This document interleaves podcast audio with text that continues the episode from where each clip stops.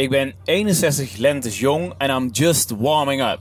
Dit is een quote van Robert Benninga, waar ik nu naar onderweg ben. En dit was vanuit een filmpje van uh, 7 jaar geleden. Dus uh, ik ga eens kijken hoe die er nu bij zit.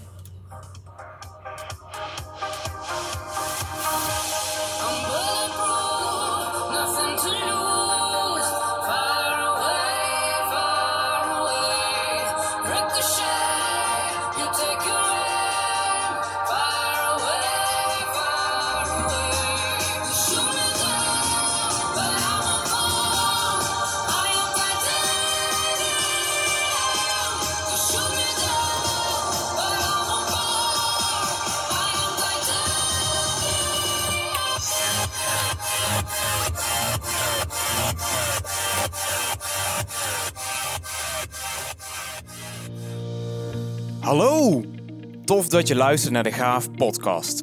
Mijn naam is Rudy van Beurden en in deze podcast interview ik collega's, sprekers en trainers op het snijvlak van de volgende drie thema's: public speaking, personal development en poen en purpose.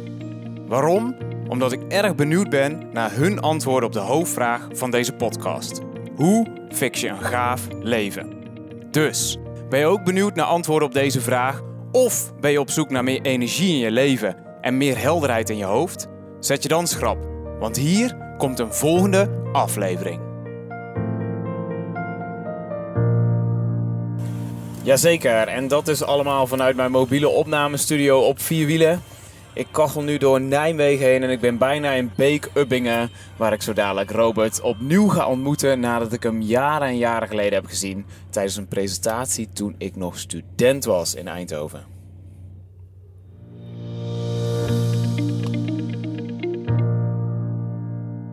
Loop nu eh, naar uh, restaurant Hotel Het Spijker, precies in het midden aan de Rijkse Straatweg als ik het juist heb. En ik moet heel nodig pissen. Maar ik ben wel lekker op tijd. Dat is fijn.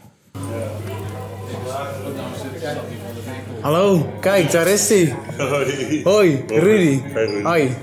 Ik regel net dat wij weer de Russische zaadje kunnen doen. Oh, top. Nee, ik woon op de kerkweg, weet je wel, maar dan hebben we 5,5 meter plafond.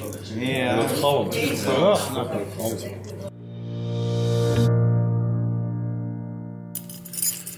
Dit is mijn overleden vrouw. Dit is een foto van uh, 7,5 jaar geleden. Ah. Maar die kan je niet opnieuw maken. Dat is Nicole bij mijn duim. Mhm. Moe, die is nu 7,5 jaar ouder. dat is Joyce. Wauw, wat een knappe dochters, hè? Ja. Wauw. Ja, lijkt op hun moeder. Zo man. Maar leuk dat je tijd hebt. En op zo'n korte termijn ook. Want je zei Ja. dat je inderdaad in december dus eh, dan eh, Ja, volgende week zit op ik in pad bent. Londen en weet ik het allemaal. Want je bent nog steeds volledig aan de slag. Nee, Ofwel rustiger dan Maar voorheen. ik doe in Nederland heel weinig. Dat, ik Veel internationaal. Ik zeg, ik doe bij, in Nederland bijna niks. Het is wel grappig als je Jos en mij naast elkaar zet. Ja, want die heeft juist echt zijn plek in de Nederlandse wei gevonden natuurlijk. Hij doet ook het liefst niets in het Engels, zei hij ook. Nou, weet ik. Weet ik.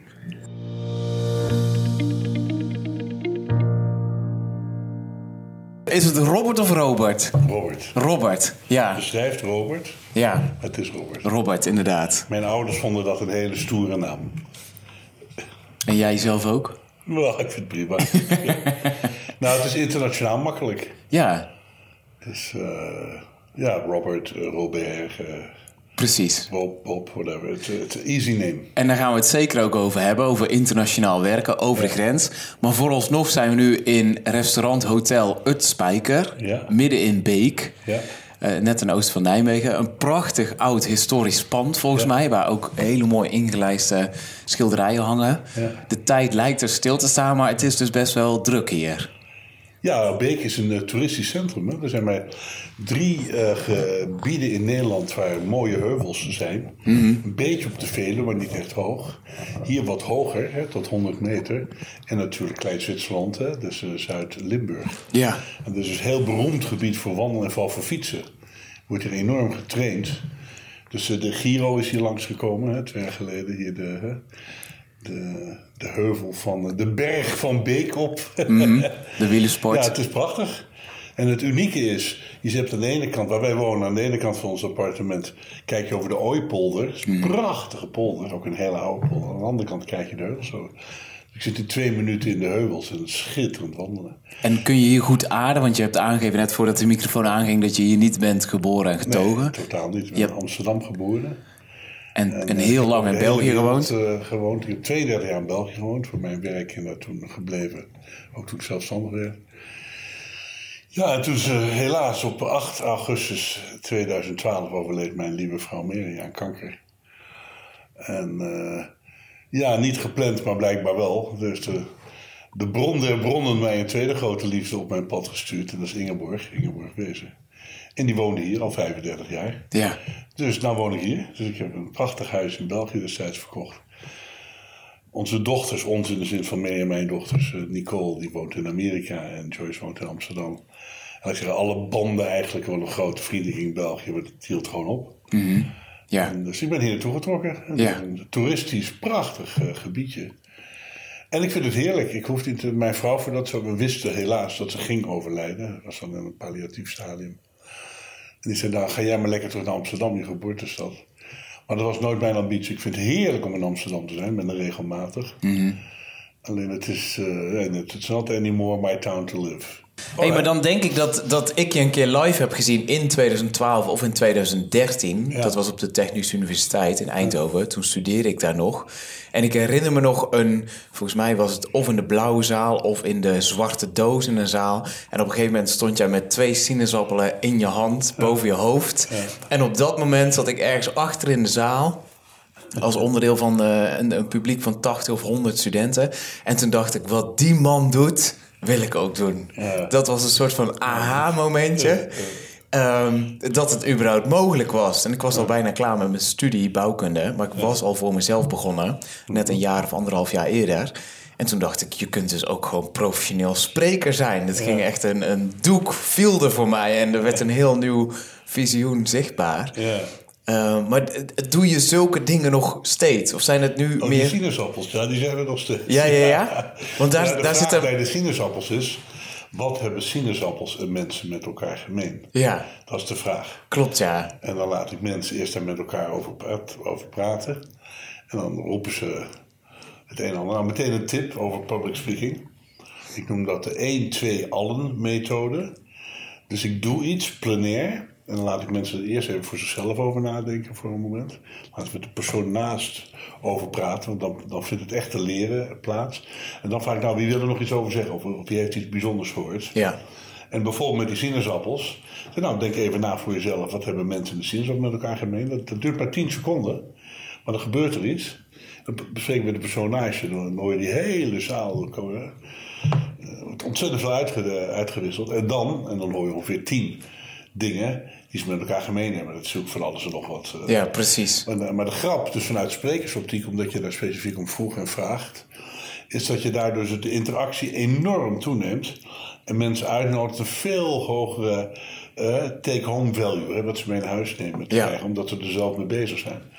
Want ik zou er ook kunnen staan, weet je, sinaasappels en mensen hebben het volgende met elkaar gemeen. Ja, en dan En of de, de, catchline aan het eind is, als je ze onder druk zet, komt eruit wat erin zit. Hè? Want daar gaat het. Daar ging het over en nog steeds. En dat is een hele indrukwekkende, letterlijk, een indrukwekkende. Hm, Je maakt de sinaasappelpers... Ja. Eh, dus dat doe ik constant. Dat doe ik nu nog veel meer dan toen jij mij gezien hebt. Oké, Dus eh, die 1, 2, alle methode, dat is gigantisch. Maar hele goede tip. Ik heb hem gisteren nog toegepast bij Tilburg University. Ik had verschillende groepen met hele makke studenten. Voornamelijk omdat ze daar moesten zijn. En eh, een van de eerste vragen die ik ze stelde is... Why did you show up? And because I had to is not a valid answer. Want daar echt... Alsjeblieft, daarvoor ben ik niet gekomen. Dus ga er eerst maar eens met z'n twee over sparren. Why did you show up? Wat wil je uit deze masterclass van anderhalf uur halen? ja. En dan, ja, eh, dat werkt gigantisch. ja, goeie. Omdat de mind, eh, ja, die wordt daardoor uitgenodigd. Ja, ja. Anyway, ik heb, ik heb twee dingetjes meegenomen ook. Hè. Die, je kan het niet zien op de ding, maar hè, de toverstok en het elastiekje. Ja, je hebt van alles meegenomen. Want je hebt de boeken meegenomen en inderdaad een heel breed groot elastiek en een soort van toverstaf of toverstokje. Ja. Zal ik straks iets over zeggen. Of nu, wat je wil. Maar ik doe het allemaal- Nou, eerst voor de luisteraars. Wie zit er nu tegenover me? Robert Benninga. Ik heb eh, een filmpje van je gezien van een jaar of zeven geleden. Toen stond je bij de Hogeschool van Rotterdam of de Universiteit van Rotterdam. En daarin zeg je letterlijk: Ik ben slechts 61 lentes jong. En I'm just warming up. Ja. Dus ik kom net kijken en als mensen zeggen van doe eens rustig aan, dan heb je letterlijk gezegd no fucking way. Ja, dus als mensen je in de weg komen staan, hoe is dat nu? Want we zijn zeven jaar verder. Eh, we zijn acht jaar verder. Ik weet precies wanneer dat was. Ah, oké. Ik herinner me dat zeer goed. Want toen, eh, dit gesprek komt waarschijnlijk meer een paar keer terug als je historisch refereert. Die was wel ernstig ziek en toen was net Steve Jobs overleden. Want dat was, daar heb ik in twaalf minuten de twaalf lessen van Steve Jobs Klopt, precies Dat ja. ja. Eh, en ze zei, waarom maak jij daar niet een verhaal over? Ik zeg, lieve schat. Iedereen, de hele wereld schrijft nu verhalen over de lessen van Steve Jobs. De goede dingen, de slechte dingen. Dat boek was net uit, want het was al gepland. Lastige kerel, maar natuurlijk fantastische lessen. En toen heb ik daar, dat is heel grappig, ik heb gezegd, nou ik wil dat wel doen. Maar onder één voorwaarde, dat, eh, dat ik publiekelijk kan vragen welke studenten zitten er hier in de zaal die mijn marketingplatform voor mij en met mij verder willen uitbouwen. Dat heb ik ook gevraagd en er zijn dus drie kerels uitgekomen. Heel goed. Ja. En eh, Mark, Paul en eh, Menno. En daar heb ik jaren mee gewerkt. En ja, toen, ja, weet je, alles. Er is een tijd en een plaats voor alles. Dus de, de- ik, ga, ik werk eigenlijk al heel lang niet meer. Dat is natuurlijk zo'n, echt zo'n cliché. Want, ik ben druk bezig. Maar heel veel mensen hebben een kritische associatie bij het woord werken. Weet je, hoe lang moet je nog en dit en dat. En, eh, Ja, ja. het is natuurlijk op zich niet goed dat iemand zoals ik uit de corporate wereld is gestapt. Een hele stimulerende en inspirerende wereld met heel veel goede mensen. En er gaan dus heel veel goede mensen uit de corporate wereld weg. Dus er is gewoon iets wat niet optimaal functioneert. En eh, nou, dat drijft mij nog steeds. Dus hè, de, de, de- waar ik nu de hele wereld mee afreis. Hè. How do you make sure that people feel safe, seen and supported? In het Nederlands, hoe zorg je dat mensen zich veilig gezien en gesteund voelen? Ja, dat is altijd al een groot thema geweest. Dat is het thema in iedere organisatie, in iedere religie, in iedere relatie. Ja. Eh, en dat drijft mij enorm. Dus van, vanaf jouw vraag, hè, no fucking way I'm gonna stop. Ja, till the day I leave the planet. Whenever that is. Zal ik daarover spreken. Weliswaar steeds in verschillende vormen. Dus we hebben de, de, de enorme grote congressen. Ik ga even een slok water nemen. Ehm, hoe ik dat doe neemt wel verschillende vormen. Ik coach veel meer mensen dan vroeger. Dus allemaal met Zoom en met eh, FaceTime en WhatsApp video. Medewerkers binnen de organisatie. Nou, of ook ondernemers. De top. De top. Oké. Gezien de prijsstelling. eh, Dat filtert een bepaalde type klant uit. ja, nou, ik reken, mag je wel ik reken 600 euro per uur voor, eh, voor Zo. coaching. En, maar dat is geen enkel probleem voor mensen die snappen hoe belangrijk het is. Wauw. En anyway, dat, ja, die visie heb ik nog steeds. En die heeft wel een andere vorm gekregen. Wat je dus merkt, het gaat niet om de aantallen, maar toch even voor het, het kaderen. Ik heb nu zo'n eh, 300.000 mensen in 61 landen mogen toespreken. hè, De laatste kleine 30 jaar. Nou, dat is veel of niet veel. Weet ik veel, zes keer de arena. Zoveel is het niet, maar veel mensen vinden het heel veel. En duizenden projecten. En honderden mensen intensief gecoacht. Nou, dat is ontzettend mooi dat ik dat al heb mogen doen. De, ik zit in een stadium van mijn leven dat het interessant is de vraag te stellen: eh, welke, eh, welke ambitie heb je nou precies? Hè? Er, er is in het leven een balans. Het is een woord wat de Jos, een goede vriend van me, Jos Burgers, Ja, over. Die jou gerefereerd heeft. Dat is de reden dat ik nu hier ben. lief. Balans is niet zo'n lekker woord. Misschien meer harmonie zou ik zeggen, is een beter woord. Harmonie tussen de ambities die je hebt en de zingeving die het leven je brengt. Dat is een interessante vraag. Nou, mijn ambitie is nu veel meer om zingeving voor mijzelf en anderen te vinden. Dat is ook een ambitie. Maar dat is niet meer de ambitie van eh, eh, zoveel spreekbeurten per jaar of zoveel geld of wat dan ook. Dat, eh, dat ja, Dat zijn meer de harde cijfers, maar waar zit het hem dan wel in? nou, het zit erin. Hij zegt, ja, dat is raar om het van jezelf te zeggen. Maar ik blijf keer op keer horen hoeveel ik mag betekenen voor individuen en organisaties, privé en professioneel. Dus blijkbaar de opgebouwde expertise door mijn vijf interna- internationale corporate jobs die ik gedaan heb. Hè? En nu een kleine 30 jaar dit werk. eh, die is zo groot dat heel veel mensen daarvan willen genieten. En het is ook zonde als die expertise en die enorme ervaringswereld eh, ja, niet gebruikt wordt. Ja. Dus dat, dat drijft mij. Maar Zo ervaar je dat. Dat zou een soort van verspilling zijn als jij alleen Ja. maar hier in eh restaurant Hotel Het Spijker Ja, vijf keer per week zou krantje komen pitchen. Ja. Een balletje gaan slaan. Dus Ja, dat, ja. Dat, eh, dan, ja, dan wordt het een beetje te boring. Ja. Dus constant eh, on the go. Maar niet meer vanuit... ja, I've seen it, I've done it. En, en eh been there. Weet je, die ambitie van eh, meer en groter. En Ja, allemaal. maar zie je dat wel eens om je heen bij leeftijdsgenoten waar dat wel gebeurt? Of die juist wel met pensioen gaan omdat ze denken ik zwaai af? Ja? Ja, nog steeds zeggen mensen, doe even tikkie terug, doe even normaal. Ja? Ja, ja, ja, ja. Maar waar is dat bij jou ontstaan? Want jij komt over als een ontzettende gedreven, optimistische vent. Echt volledig zelfverzekerd van here I am, ik sta hier. En ik ploeg gewoon door. Was dat altijd al of is dat... Nee, dat was niet altijd zo. Nee? Dat, eh, dat refereert naar mijn lieve ouders, die in eh, 2001 en 2009 vertrokken zijn. Luisteren boven mee nu. Die hebben destijds de, de concentratiekampen van de Tweede Wereld overleefd. Dat was natuurlijk geen pretje. Ehm, de, vooral mijn moeder heeft daar het een en ander aan overgehouden, zonder daar nou in detail op in te gaan, maar zowel fysiek als psychisch. Dus eh, die waren absoluut ook op zich een hele positieve instelling en heel knap. Ik heb pas veel later begrepen hoe dat geweest moet zijn om in een plastic zak terug te komen naar Amsterdam, waar gewoon je huis stond. En er woont iemand anders in je huis en je wordt gevraagd als je alsnog de erfpacht wil betalen voor de tijd dat je er niet geweest bent. Jongen, jongen. Een boel mensen die dat nog steeds daar niet in kunnen verplaatsen. Voor mij was het ook moeilijk.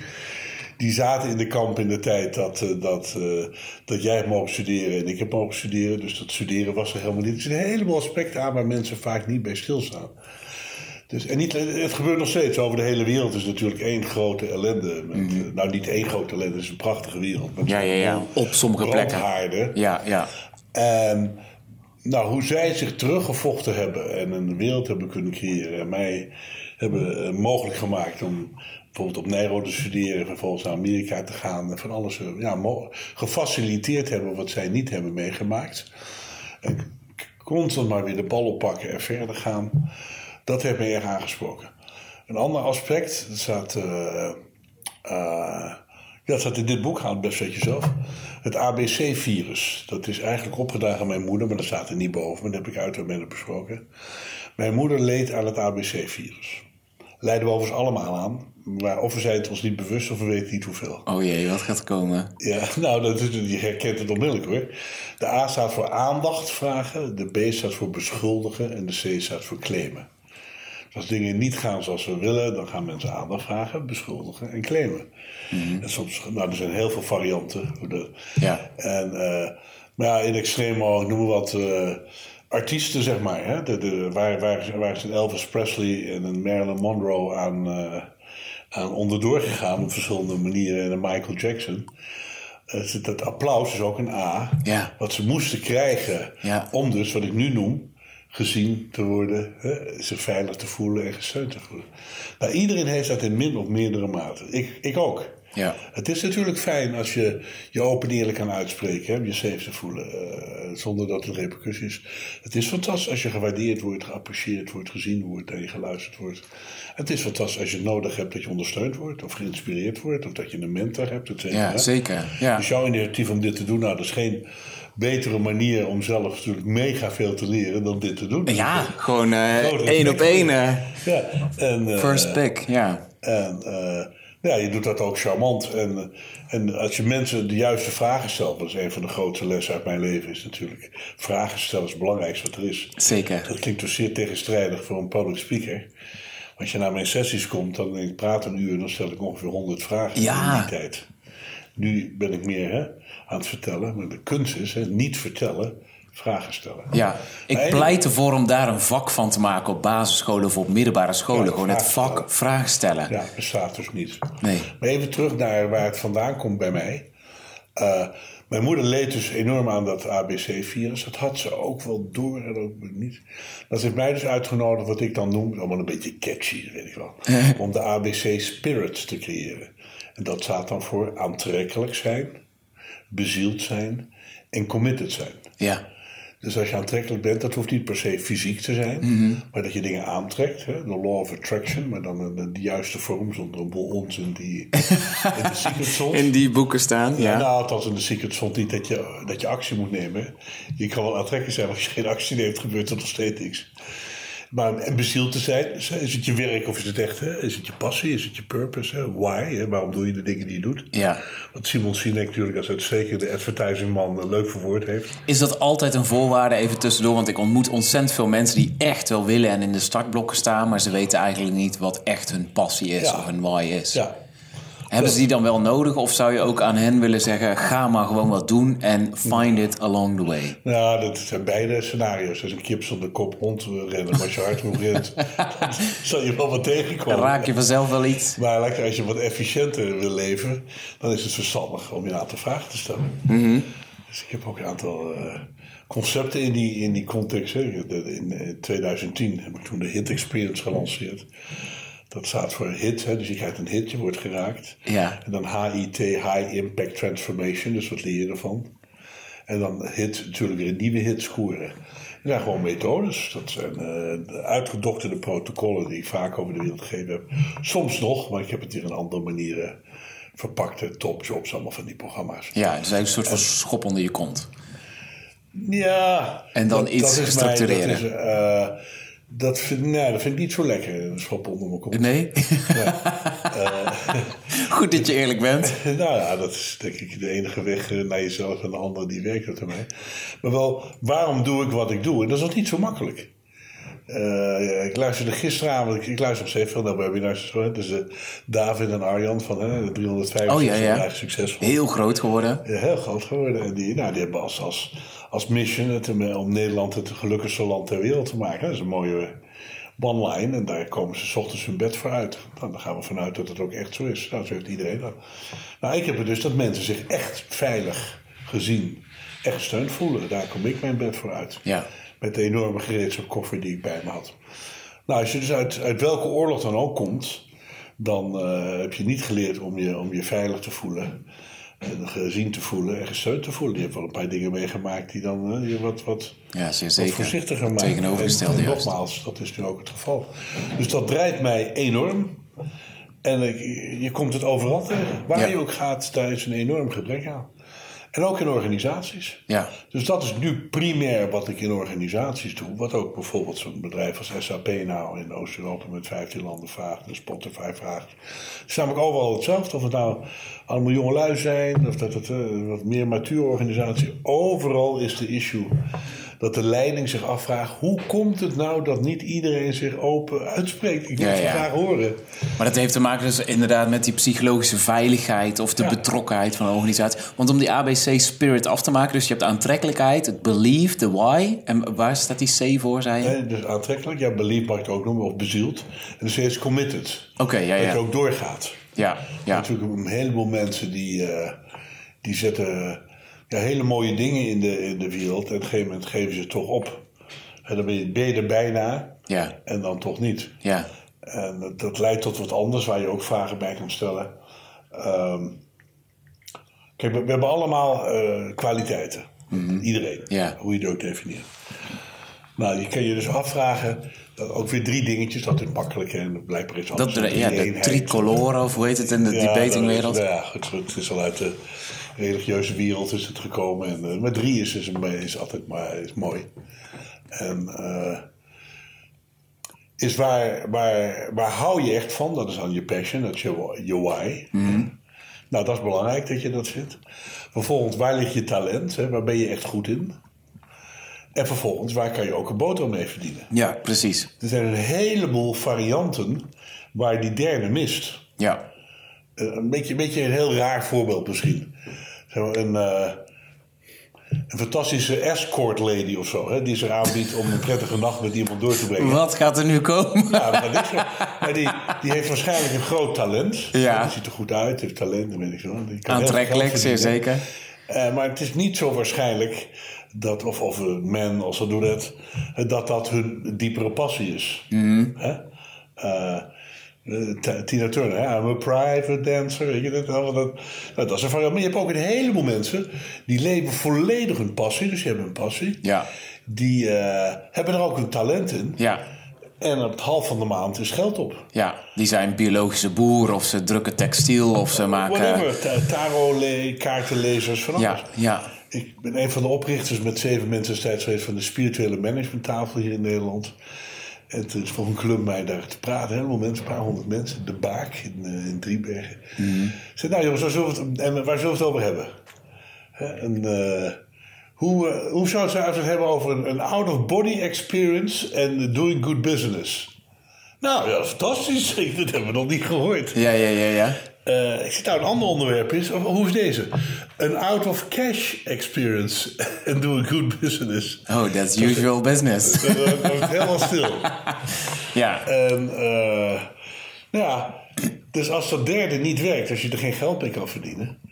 Ik, heb het geluk gehad, of het ge- geluk gecreëerd. Het is natuurlijk altijd een combinatie Ja. van dat een opportuniteit zich voordoet en dat je actie neemt. Hè? Ja. Dat is de definitie van geluk eigenlijk. Hè? Ja. Een kans omzetten met actie erbij en dan, dan lukt het. Dan zegt iedereen, ja, maar die heeft geluk. Ja, kan je er een paar vraagtekens bij zetten. ja, Maar goed, dus de kunst is, en dat zegt de, die, die art, om dus die combinatie te vinden van, eh, ja, waarom kom ik 's ochtends mijn bed uit? Wat wil ik nou echt neerzetten? Ja, Wat drijft mij, mijn deeper purpose?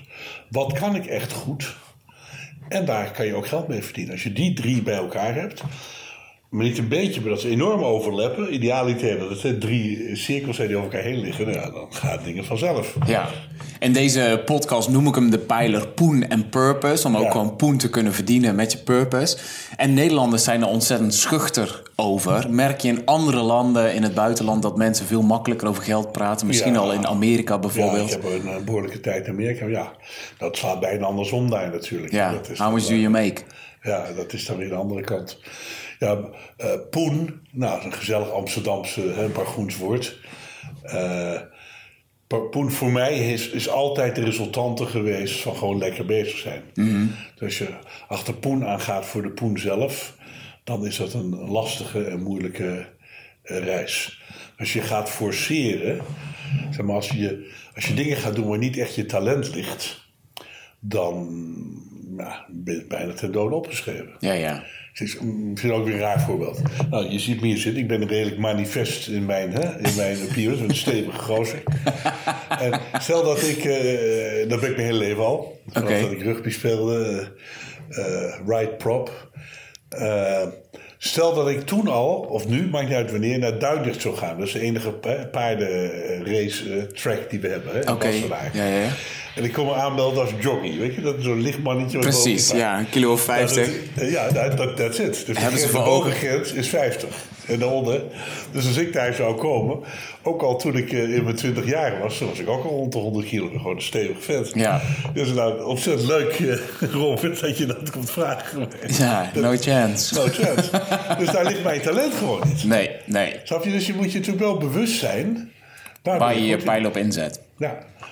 En eh, ja, een heel lang verhaal op jouw oorspronkelijke vraag. eh, waarom doe je dat? Nou, omdat ik dus voor mij gezien heb en nog steeds zie... dat mensen letterlijk de tools missen... eh, waardoor je safe, zien en support kan voelen. En organisaties en ook relaties. En 50% van de relaties zit in problemen privé. Het is absurd. Ja, ja, En ja. mensen sturen steeds maar op gedrag. En laten zich ook uitnodigen op gedrag. Je bent te vroeg, te laat, te dik, te dun. Dat, dat. Maar op gedrag is niet te sturen. Het is natuurlijk allemaal lief, hè? gedragspsychologie. Daar zit wel iets in. Ja, ja, ja. Maar het is kunstmatig. Ja. Voor een stuk. Het is het fineerlaagje. Ja, dus als je.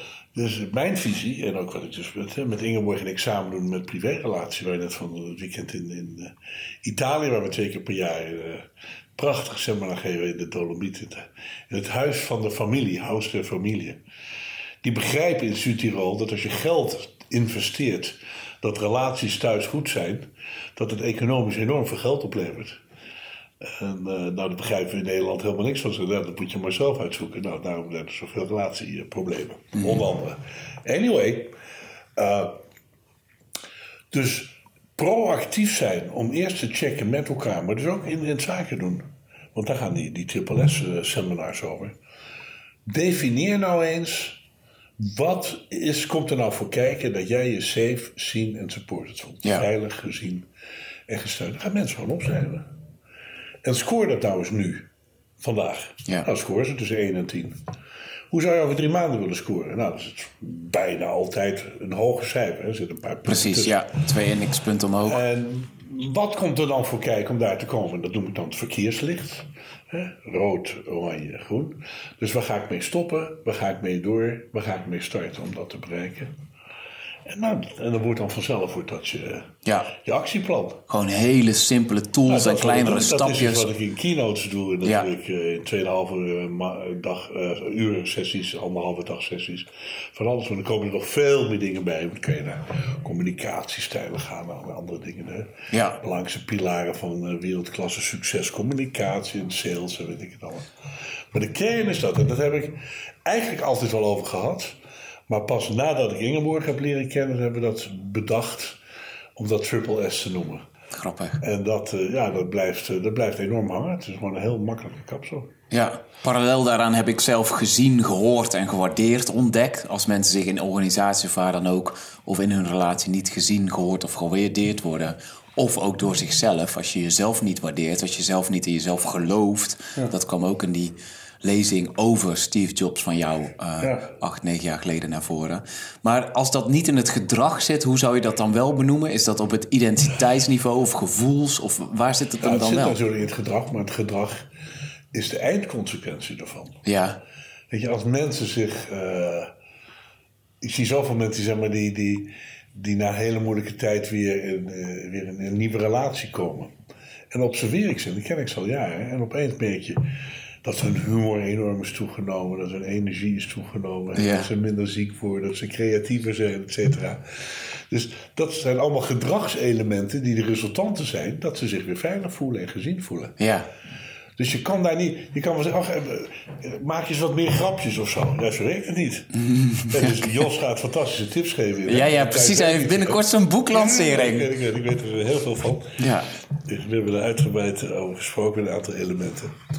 Eh, dus je, je kan, je, dat komt pas als resultant, net zo goed als, ik heb, eh daar gaat het alleen helemaal niet om, maar het is prettig dat je een goede boterham verdient. Nou, Ja. ik heb een hele goede boterham mogen verdienen en nog steeds.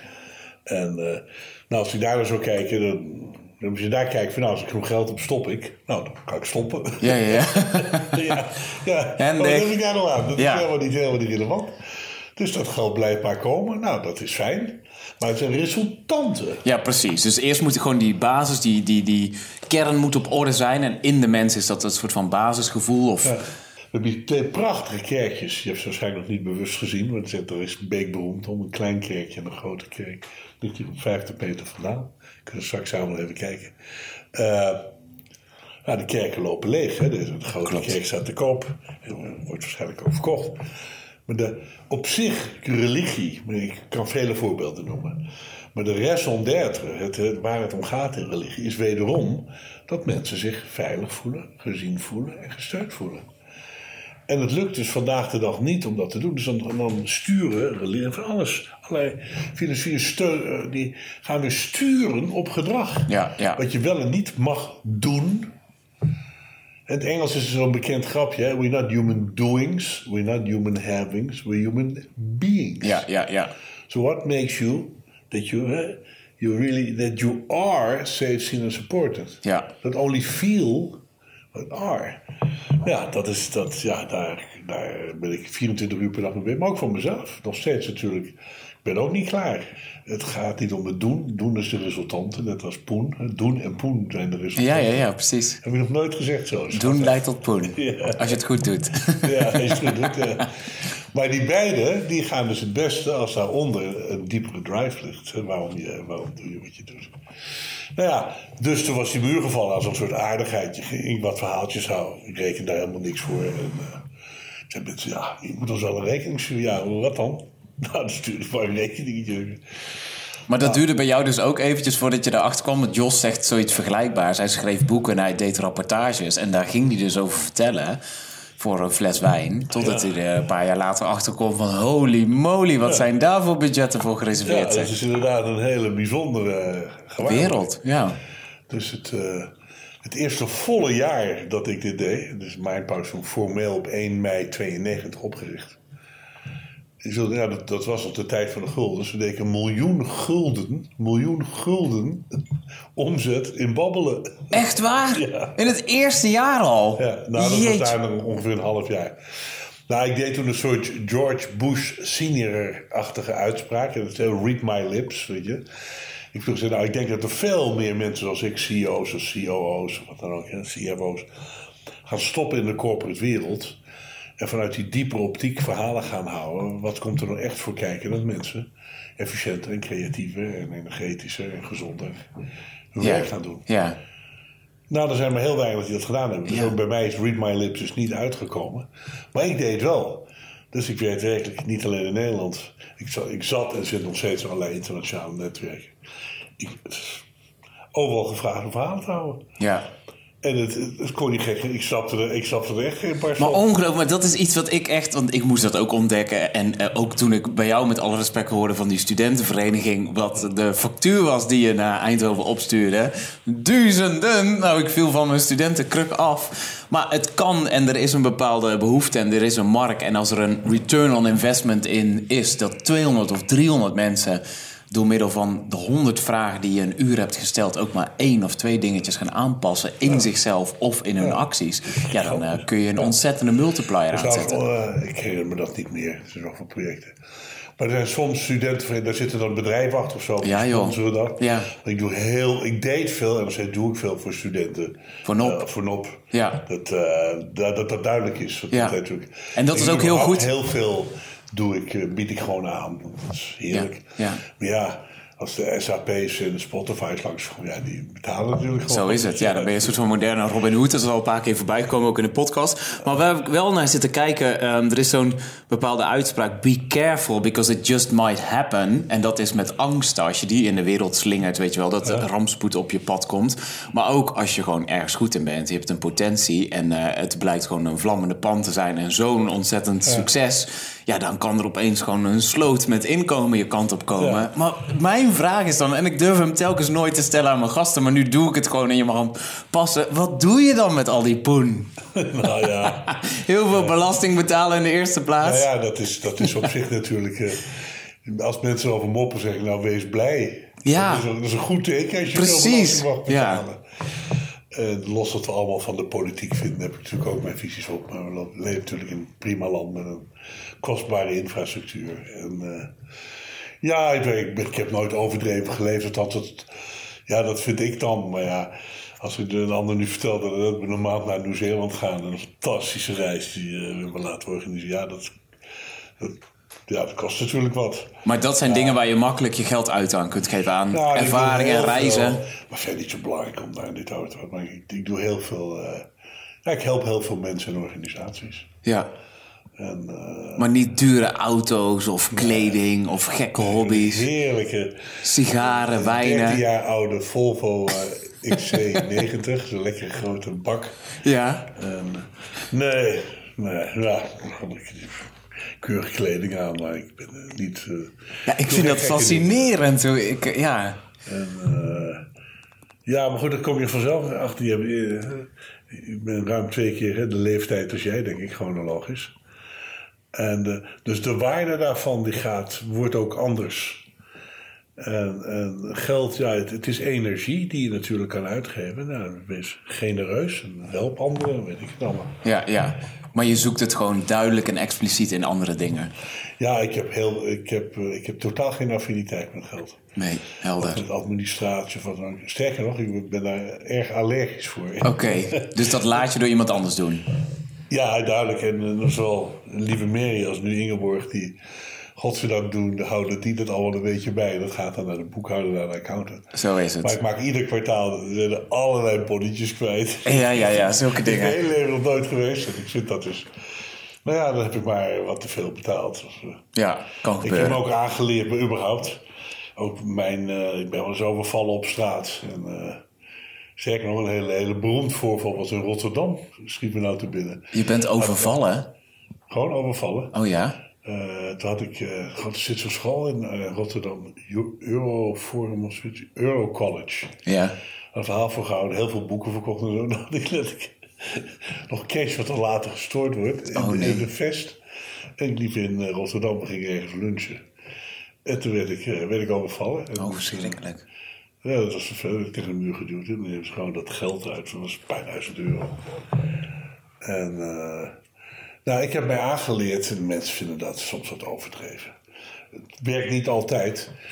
Maar dan, ja, ik kan daar dan toch niks meer aan doen. Ik verzet me dan ook niet. Want die anderen die zijn gewoon sterk. Die komen in een paar mensen. Om welke reden Ja, ja, ja. hebben ze dat geroken? Weet ik wel. Dan denk ik later maar, nou ja, die hebben het dan harder nodig dan ik. Want ik kan er wel ontzettend boos worden en dan weet ik het allemaal. Maar geloof je dat echt? Want soms heb ik dergelijke gedachten ook wel als optimist, maar... Nou ja, wat is echt? Dat is natuurlijk een interessante vraag. Oké. Mij wordt best van tijd tot tijd kwalijk genomen. Dat eh, positivo en weet ik het allemaal. Ja, De, eerste zin in haal het beste uit jezelf is. En niet, ja, je kunt er niet van de moeder zeilen staan bij jezelf voor de volle 100%. Dat is natuurlijk een duidelijke. Eh, en de tweede zin is hier: niets heeft een betekenis behalve de betekenis die jij eraan geeft. Ja, ja, ja, ja. Dus weet je, we nemen onszelf de hele dag in de maling. Ja, we doen precies. niets anders. Dingen die we belangrijk achten. En als, als we dat toch doen, dan ben ik van de school, geef het dan een betekenis die zinnig is. Er zijn vier vragen die ik mijzelf eh, behoorlijk eh, gestructureerd en gedisciplineerd stel als dingen anders lopen dan gepland. Dat gebeurt natuurlijk constant ook in mijn leven. Zal ik je die zeggen? Je dat Ja, graag. De eerste is, eh, dus stel je, je, je, je mist je vliegtuig of je wordt bestolen of je komt in een, eh, in een kettingbotsing of, of je wordt ziek. Of, nou, ga zo maar door. Nare dingen. Naar, althans die we be- bestempelen als naar om te beginnen. Als dat soort nare dingen gebeuren, dan zal ik met de volgende vier vragen. Ten eerste, stel dat het voor een reden gebeurt, wat kan de reden dan zijn? Gaat onmiddellijk je mind aan de gang, hè? Dat kan je ook in groepen doen, hè? Dan kan je weer de 1, 2, alle methode toepassen. Precies. Ten tweede, stel dat ik hier iets van kan leren. Wat kan ik dan leren? Die vraag lijkt erg op die eerste, maar is een andere. De derde vraag is, stel dat dit een bijdrage levert aan mijn verdere ontwikkeling, zowel persoonlijk als professioneel, en aan de bijdrage aan mijn wereld, wat het ook is, werk of sociaal. Wat kan dan die bijdrage zijn? En ten vierde, stel dat er toch iets, iets leuks aan is, iets, iets plezierigs, iets wat je zegt van wauw, dat is mooi, iets positiefs, wat zou dat kunnen zijn? Nou, enorm krachtige vraag als je die gedisciplineerd gaat doen en die herhalen, dan maar opschrijven. Die vierde is vaak heel moeilijk. Als ik het heel concreet maak, eh, toen mijn eh, lieve vrouw overleed, hè, de moeder van Nicole en Joyce. Nou, als ik me toen die vierde vraag gesteld had, wat is hier toch leuk aan, dan was waarschijnlijk was in mijn hoofd iets gesprongen van, Ja. nou, je bent nu echt de weg kwijt, Goos. Ja. Maar de eerste vraag, en niet lang daarna, daar ben ik aan de slag gegaan. Omdat je bent ook daar bezig een zingeving te vinden. Ja. Je kan alleen maar zeggen pech. Of je kan, je kan alles zeggen. Maar dat is ook wederom niet zo betekent wel wat betekent niet zo. Maar stel dat het voor een reden gebeurt. Dan kan je bijvoorbeeld bij het overlijden van een dierbaar iemand het gaan invullen. Van, nou, die persoon heeft hier primair gedaan wat hij of zij te doen had. Bijvoorbeeld de 80-20 regel, zeg maar. Want er is natuurlijk altijd nog veel te doen. En die is nu op een plek waar eh, die persoon beter tot zijn of haar recht komt. Is dat waar? Dat weet ik niet. Geeft het bepaalde rust? Absoluut. Zeer zeker, ja. Stel dat ik hier iets van kan leren. Nou, dan kan ik eh, met zeer respectvol, heel compact natuurlijk gezien de tijd, wederom Mary aanhalen. Mary was Chinees uit Hongkong. En als ik nu terugkijk, toen noemde ik dat concept nog niet safe, seen en supported. Hè? Het is als eh, iemand van eh, Oosterse achtergrond in Nederland wonend of in België. Maar allemaal nog niet zo makkelijk hoor. We zijn dan zogenaamd tolerant. Nou, vergeet het maar. Hè? Ja, ja, ja, ja. Zolang je niet met je voet in mijn tuintje loopt, mag je rustig rondlopen. Maar don't come too close. Dus ik heb wel wat vraagtekens bij onze tolerantie. Eh, dus ik had in de retrospect heel graag dieper stilgestaan. Wat Mary echt nodig had om zich safe, seen en supported te voelen in Nederland Ja. en in België. Eh, dat is wederom even de reden waarom ik natuurlijk zo gedreven ben daarin. Om dat mensen eh, aan te dragen. Nou, welke contributie levert het? Nou, onder andere dat ik dat nou in de wereld zet. Hè? Dat Ja. ja. Triple S, dat heeft daarmee te maken. Ja, een versneller of een Nou, motivator. nu, ruim 6,5 jaar nadat, eh of ruim 7,5 jaar nadat Mary is overleden. Of ruim 7 jaar en eh, zes, ruim 6 jaar nadat Ingeborg op mijn pad gekomen is. eh, Ook, ook een wonder. Zij zocht een business coach en iemand zei: Je moet eens met Benning gaan praten. Ja, ja, ja, ja. Ongelooflijk. En waar ze een coach voor zocht, dat was niet mijn ding. Dat had te maken met psychologie. En, Oh, ik wilde heel flauw zeggen, toen kreeg ze eerst enorme facturen. En toen zei ze, die kan ik toch nooit betalen? Maar anyway, ehm, wat er in retrospect eh, mooi aan was, is dat ik een nieuwe partner gevonden heb en daar nu iets neerzet in de wereld. Wat, eh, ja, vinden wij heel wezenlijk is. Ja, En zeker. dus komend vanuit een achtergrond, dat is best interessant hoor. Dus mijn ouders waren hele emotionele mensen, maar vonden het heel erg moeilijk om hun emoties uit te drukken. Ja, ga maar, ik heb deze vraag nooit gesteld. Als je de website van Westerbork leest, staat daar heel duidelijk dat iedere week eh, gevangenen daar, de meeste Joden, maar enkele, Roma en Sinti, et cetera, gedwongen werden om een eh, lijst te maken van rond de duizend mensen van wie hè, de volgende dinsdag op die trein ging naar Auschwitz of naar Bergen-Belsen. Denk je dat ik ooit mijn vader heb kunnen vragen of we zo'n lijst gaan maken? Dan kan, dan kan je die vraag ja, je kan hem wel stellen in woorden. Ja, ik lach erbij als een Ja, nee. boer met kiespijn, maar nog veel erger. Ja, Dat kan niet. nee, nee, nee. Dus daar zat zoveel emotie die zich nooit heeft uitgedrukt. Ik ben dus niet, ik ben niet grootgebracht in een eh, familie waar hè, je wel emotioneel reageert op dingen en die ook irriteren. Die irriteren aan autoriteit. Hè. We hebben een enorme autoriteit meegemaakt. Dus ik, nog steeds kan ik slecht tegen autoriteit. Eh, en eh, nou, aan het begin vroeg jij, eh, toen, liep de band al wel of niet, weet ik niet. Dus hoe blijf je nou gemotiveerd? hè? Ja, ja, Ja, omdat er steeds dingen in mijn leven gebeuren waar ik dus dingen uit oppak. Om, eh, waardoor ik geïnspireerd word. Hè. De motieven vind, want dat is waar het woord mot- motivatie van komt. Om mezelf weer, eh, weer een stap verder en weer het in de wereld te zetten. Dit is een bijna een woordgrapje, maar het is het niet. Dus er wordt vaak gesproken, hoe kan je mensen motiveren? Dat kan je dus niet. Je kan mensen inspireren, de spirit geven, de, de, de energie. De, Begeisteren, de- ja. Begeisteren, dat is ook spirit en geist. Je kan ze motieven geven van, oh, dat spreekt mij aan, dus daarom ga ik dat doen. ja. Maar je kan ze niet motiveren. Mensen kunnen alleen maar zelf kiezen om zichzelf te motiveren. ja. Maar het is natuurlijk fantastisch om een eh, omgeving te mogen creëren waar mensen zich uitgenodigd voelen om zichzelf te motiveren. Ja, en waarin je ook die veiligheid creëert. Dat iemand naar voren rent om een boek uit je handen te grissen. Of Oh, ja, dat hij dat het ja, hebben, ja, bijvoorbeeld. Ja, dan kom je aan een heel ander aspect.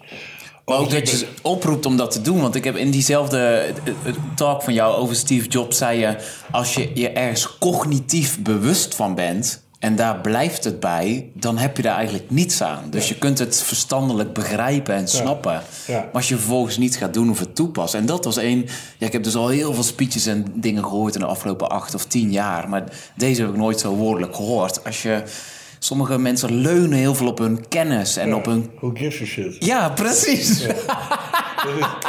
Ja, maar dat is Who gives a shit if you don't put it into action? Ja, maar dat is het aardige van het woord wetenschap. Dat is zo'n plat grapje, maar het is wel aardig, hè? Wetenschap. Het weten staat op het schap. Ja. En wie pakt het van het schap en wie doet er wat mee? Ja, ja, Die precies. scoort ook altijd aardig. Ze zijn er heel veel Ja, van die woordgrappen. Maar het klopt. Kijk, als je altijd blijft denken zoals je altijd al gedacht hebt... dan zul je altijd blijven doen wat je altijd al gedaan hebt... en zul je blijven krijgen wat je altijd gekregen hebt. Ja. En als je daar happy mee bent...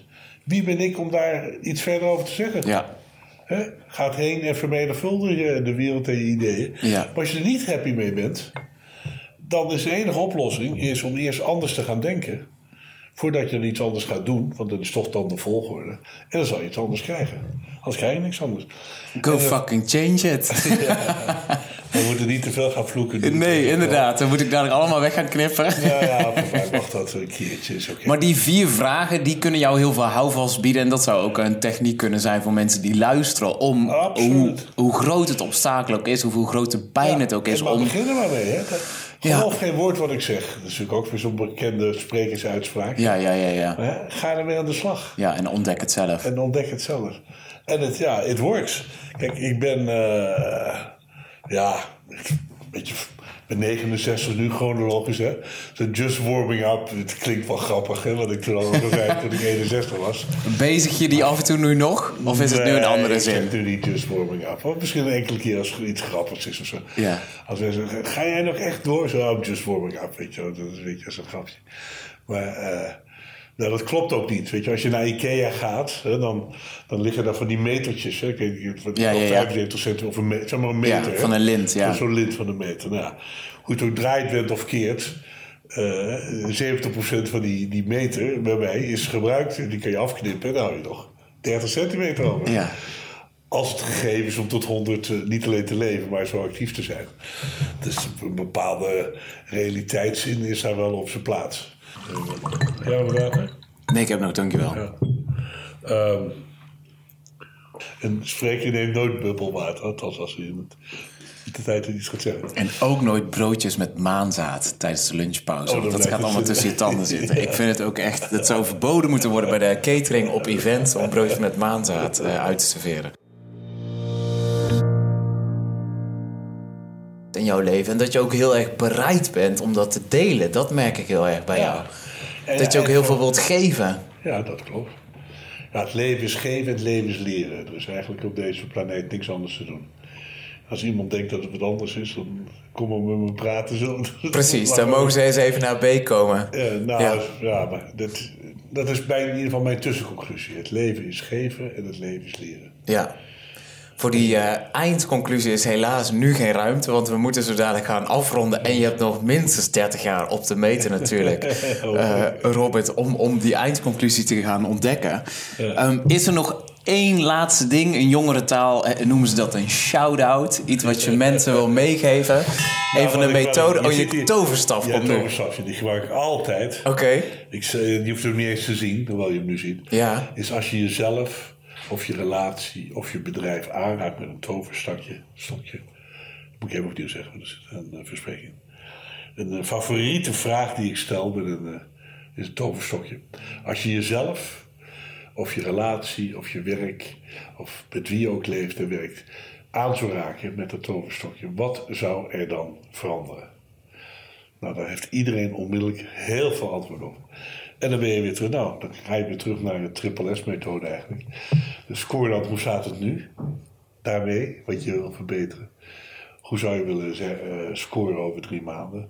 Het verkeersstand, waar ga je dan mee stoppen? Door en sluiten, rood, oranje, groen. Kinderlijk eenvoudig. Zo Als het. eenvoudig was, dan kon ik het niet onthouden. Dan kan ik het ook niet in de wereld zetten. kijk aan, dit was hem. Eh, ja. Hier kunnen mensen al gewoon over vijf minuten mee aan de slag. Want dan is deze aflevering voorbij. Hartelijk, hartelijk dank voor jouw medewerking en jouw gastvrijheid. En de boeken die je mee hebt genomen. Ik denk dat het leuk is om nog voor de deur met het logo van het hotel nog een fotootje te knappen. Op zijn Belgisch. Ja. En eh, waar kunnen mensen nog meer over jou vinden? Online. Ja, nou, we hebben twee websites, hè. mindpower.nl en kappelpower.nl. Dus de kracht van de geest en de kracht van het paar. Top, die zal ik ook in de show notes zetten. Ja. Nogmaals, hartelijk dank. Heel graag gedaan. Bedankt aan jou. Dankjewel. Hey jij daar, zit je met een vraag of heb je een suggestie voor hoe deze podcast nog gaver kan worden? Of misschien ken je wel iemand die ik echt, echt, echt moet interviewen? Stuur me dan een mailtje via podcast.gaaf.eu.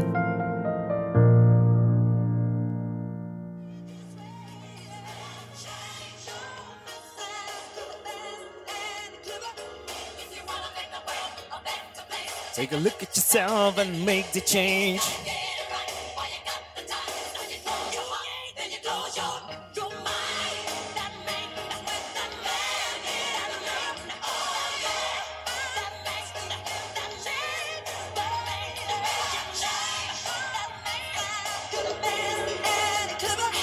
If you wanna make the world a better place, take a look at yourself. Woo! Woo!